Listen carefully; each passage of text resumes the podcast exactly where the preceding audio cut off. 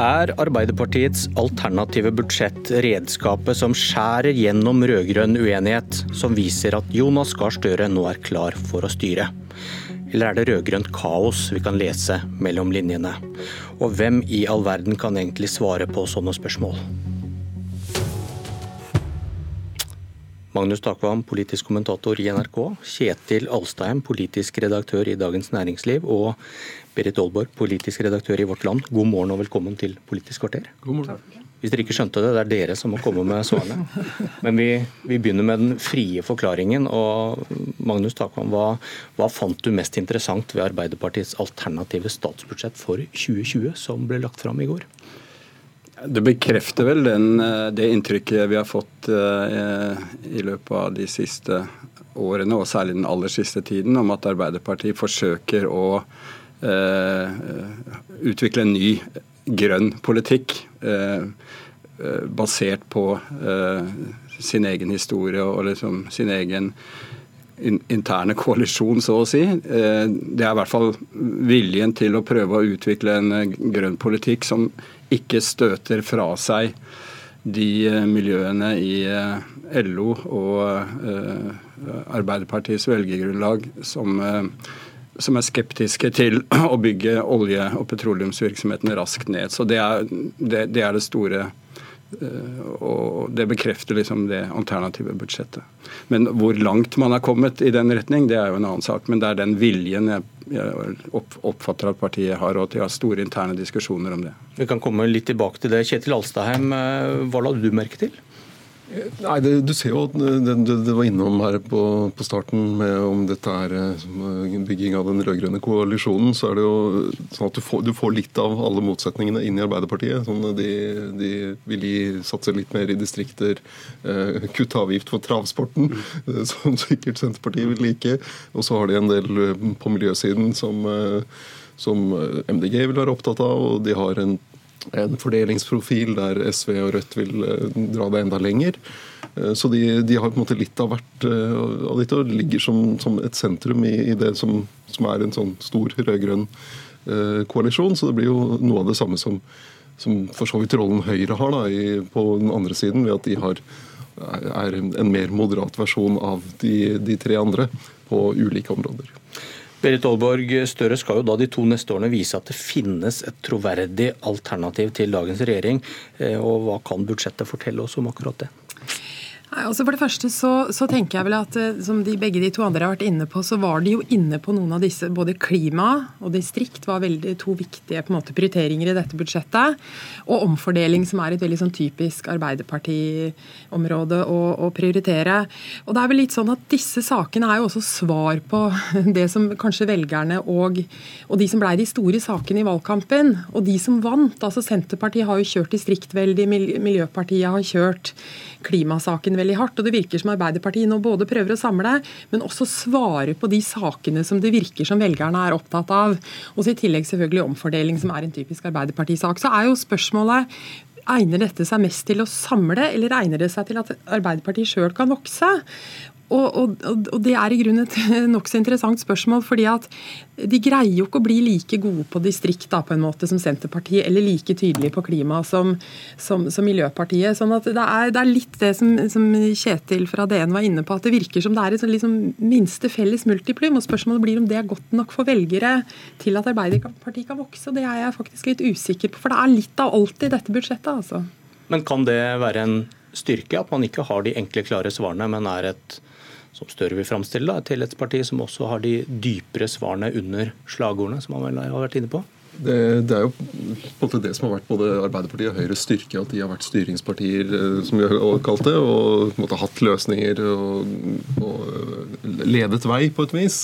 Men når du kommer i en situasjon der det ser ut som du prøver å løpe etter fire andre partier i ulike retninger samtidig, som kanskje eh, har vært Arbeiderpartiets problem en stund, så, så, jo, så, blir det en litt annen situasjon. Så spørsmålet er om Arbeiderpartiet greier å ta ledelsen på, på det området her. For eksempel, det som er en stor utfordring både for Arbeiderpartiet og Høyre, er hvordan vi skal få til denne, denne klimaomstillingen som alle snakker om og alle ser at trengs. Hvordan da skal balansere det opp mot uh, distriktshensyn opp mot uh, oljenæringen. Det er, det er en utfordring for Arbeiderpartiet, det er en stor utfordring også for Høyre. Ja, og så, og så, har de jo den biten som jeg tror da kanskje i forhold til både klima og distrikt, at Arbeiderpartiet kan ta en slags mer sånn ledende rolle. da, Det er jo i spørsmålet om om eh, omfordeling. og Der hadde de jo noen sånne ting som lå altså De hadde en skatteprofil som var altså, mer beskatning av de rike. Eh, de ville ha mer til offentlig helsevesen, mer til kommuner, som er en sånn klassisk eh, rød skattepolitikk og, og fordelingspolitikk. Så, så, så, der kan de nok klare det. Men de tingene som lå inne i budsjettet var jo ikke store. Det er jo bare en forsmak på hva de eventuelt vil gjøre. Men jeg tenker at det er vel her at de liksom skiller seg kanskje litt ut fra både partiene i koalisjonen, at de har en kraftigere politikk på det, og i forhold til høyresida? Så Når det gjelder eh, spørsmålet om at Arbeiderpartiet skal få større oppslutning, så tror jeg eh, programarbeid og den typen ting vi snakker om her, ikke er det som er tilstrekkelig. Det kan selvfølgelig eh, skape en ny dagsorden, og hvis de får interessante debatter rundt egen politikk, så kan det bidra. Men det er, det er rett og slett de ytre omstendighetene, hvordan samfunnsutviklingen går, hvordan det store flertallet av velgerne oppfatter eh, eh, samfunnet rundt seg. Vi snakker om arbeidsledighet. Vi, altså den, hvis den typen usikkerhet i samfunnet eh, der Arbeiderpartiet har tradisjonelt høy tillit, så det, det er slike ting jeg tror må, må, til for at Arbeiderpartiet virkelig skal kunne sige oppover i oppslutning igjen. De må ha litt flaks? Det, ja, på den måten. Ellers så tror jeg at de store eh, konfliktene om eh, samarbeid i en eventuell sentrum-venstre-koalisjon går på tema miljø. Det er det ene. Og det andre er styrkeforholdet mellom Arbeiderpartiet og Senterpartiet. Altså, eh, og Miljøsaken er jo innebygd i det, for så vidt, i og med at eh, f.eks. Senterpartiet og MDG er ytter, ytterpunktene i, i klima- og miljøpolitikken i den koalisjonen. Og jeg tror tema klima og miljø vil stadig bli viktigere, og dermed en større utfordring også internt i denne koalisjonen. Ja, til det, for eh, Etter at Arbeiderpartiet mistet makten, så har deres alternative budsjetter hatt overskrifter om arbeid til alle, mindre forskjeller, fellesskap. Nå er overskriften et budsjett for vanlige folk for å kutte klimautslipp. Klima er løftet opp for første gang, og det er jo da flere forslag som dere har vært inne på her. og uh, Klima var en av forklaringene Støre selv brukte for å forklare et svakt kommunevalg. Er, er, dette fokuset ektefølt eller taktisk? Jeg oppfatter helt klart at uh, Støre vil, uh, dra, altså, vil utvikle Arbeiderpartiets klimapolitikk og gjøre den mer offensiv, gi tydeligere svar på hvordan vi skal få ned utslippene. Eh, og Vi så jo også det utspillet i forrige uke om, om ganske overraskende utspill i forrige uke om oljefondet, som også handlet om klima. Eh, og på, på en måte er, er, eh, dette er noe partiene kommer til å være nødt til å gjøre.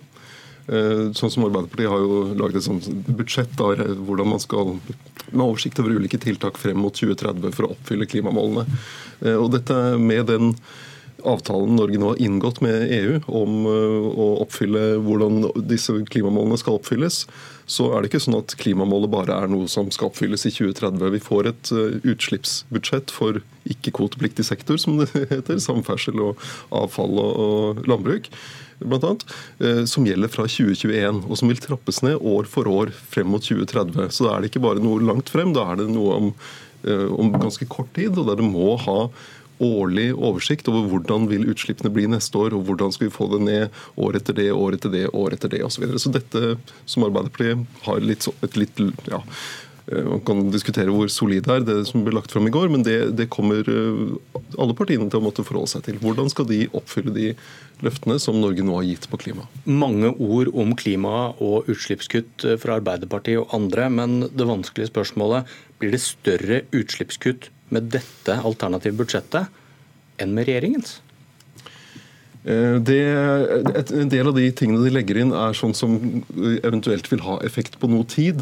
Eh, en, som, en ting som kanskje kan eh, kunne gi større utslippskutt neste år, er det at Arbeiderpartiet ikke vil innføre veibruksavgift på biodrivstoff som er over denne innblandingsprosenten på 20% Det som er usikkert med det, er om selv om du da får kutt i i, norske utslipp, så kan noe av dette komme fra palmeolje, sånn at du får økte utslipp i Indonesia isteden. Så det er et spørsmål om hvordan man ser på biodrivstoffpolitikken.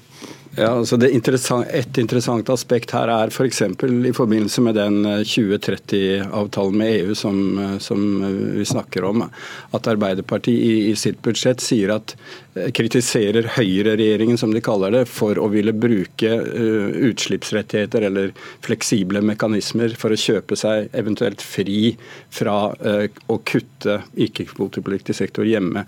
Her har jo for øvrig regjeringen, nåværende regjeringen selv sagt at de tar sikte på å, å gjøre eh, alt hjemme. sånn at det er om å gjøre for Arbeiderpartiet å framstå som mer skal vi si, radikal da, i miljøpolitikken i øyeblikket. Så det er interessant. Men så er det da målsettingene som du er inne på, virkemidlene.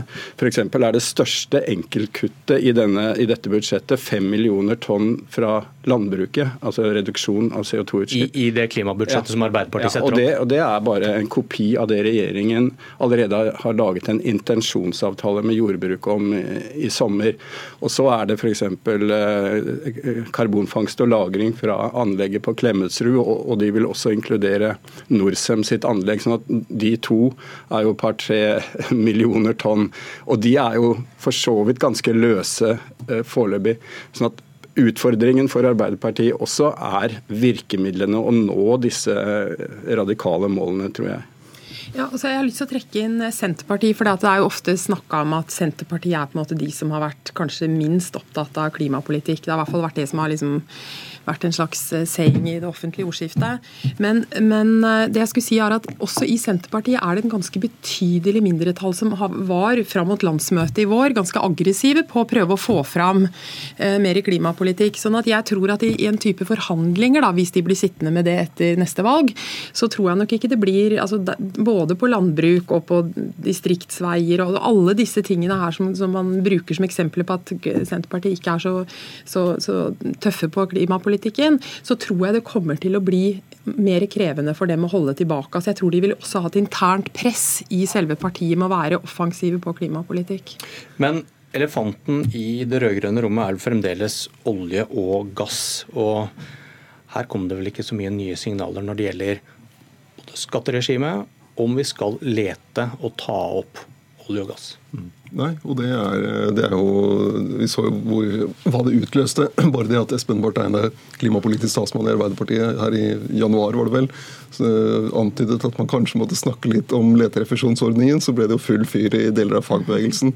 Så dette er eh, Og vi så det også etter Arbeiderpartiets landsmøte med vedtaket om Lofoten, Vesterålen, Senja hvor mye Jonas Gahr Støre da etterpå måtte, prøve, måtte reparere forholdet til, til eh, deler av eh, fagbevegelsen. Så dette er et uløst problem både på den siden av politikken og på den motsatte siden av politikken. Og så hører vi da De kommer med masse klimatiltak, klimabudsjett, og så kommer man tilbake til dette. her, og Hva, hva i alle dager skal rødgrøn, en rød-grønn løsning på olje- og gassproblematikken bli?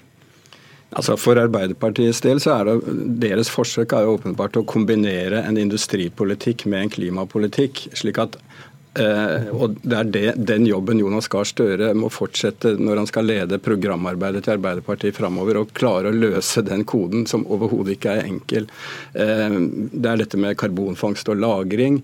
Det er også antydningene om eh, oljefondet. Og, altså på en måte å bruke andre typer virkemidler enn de som utfordrer direkte oljenæringen, og da inntil videre la kvote systemet som det, den næringen er en del av, løse det.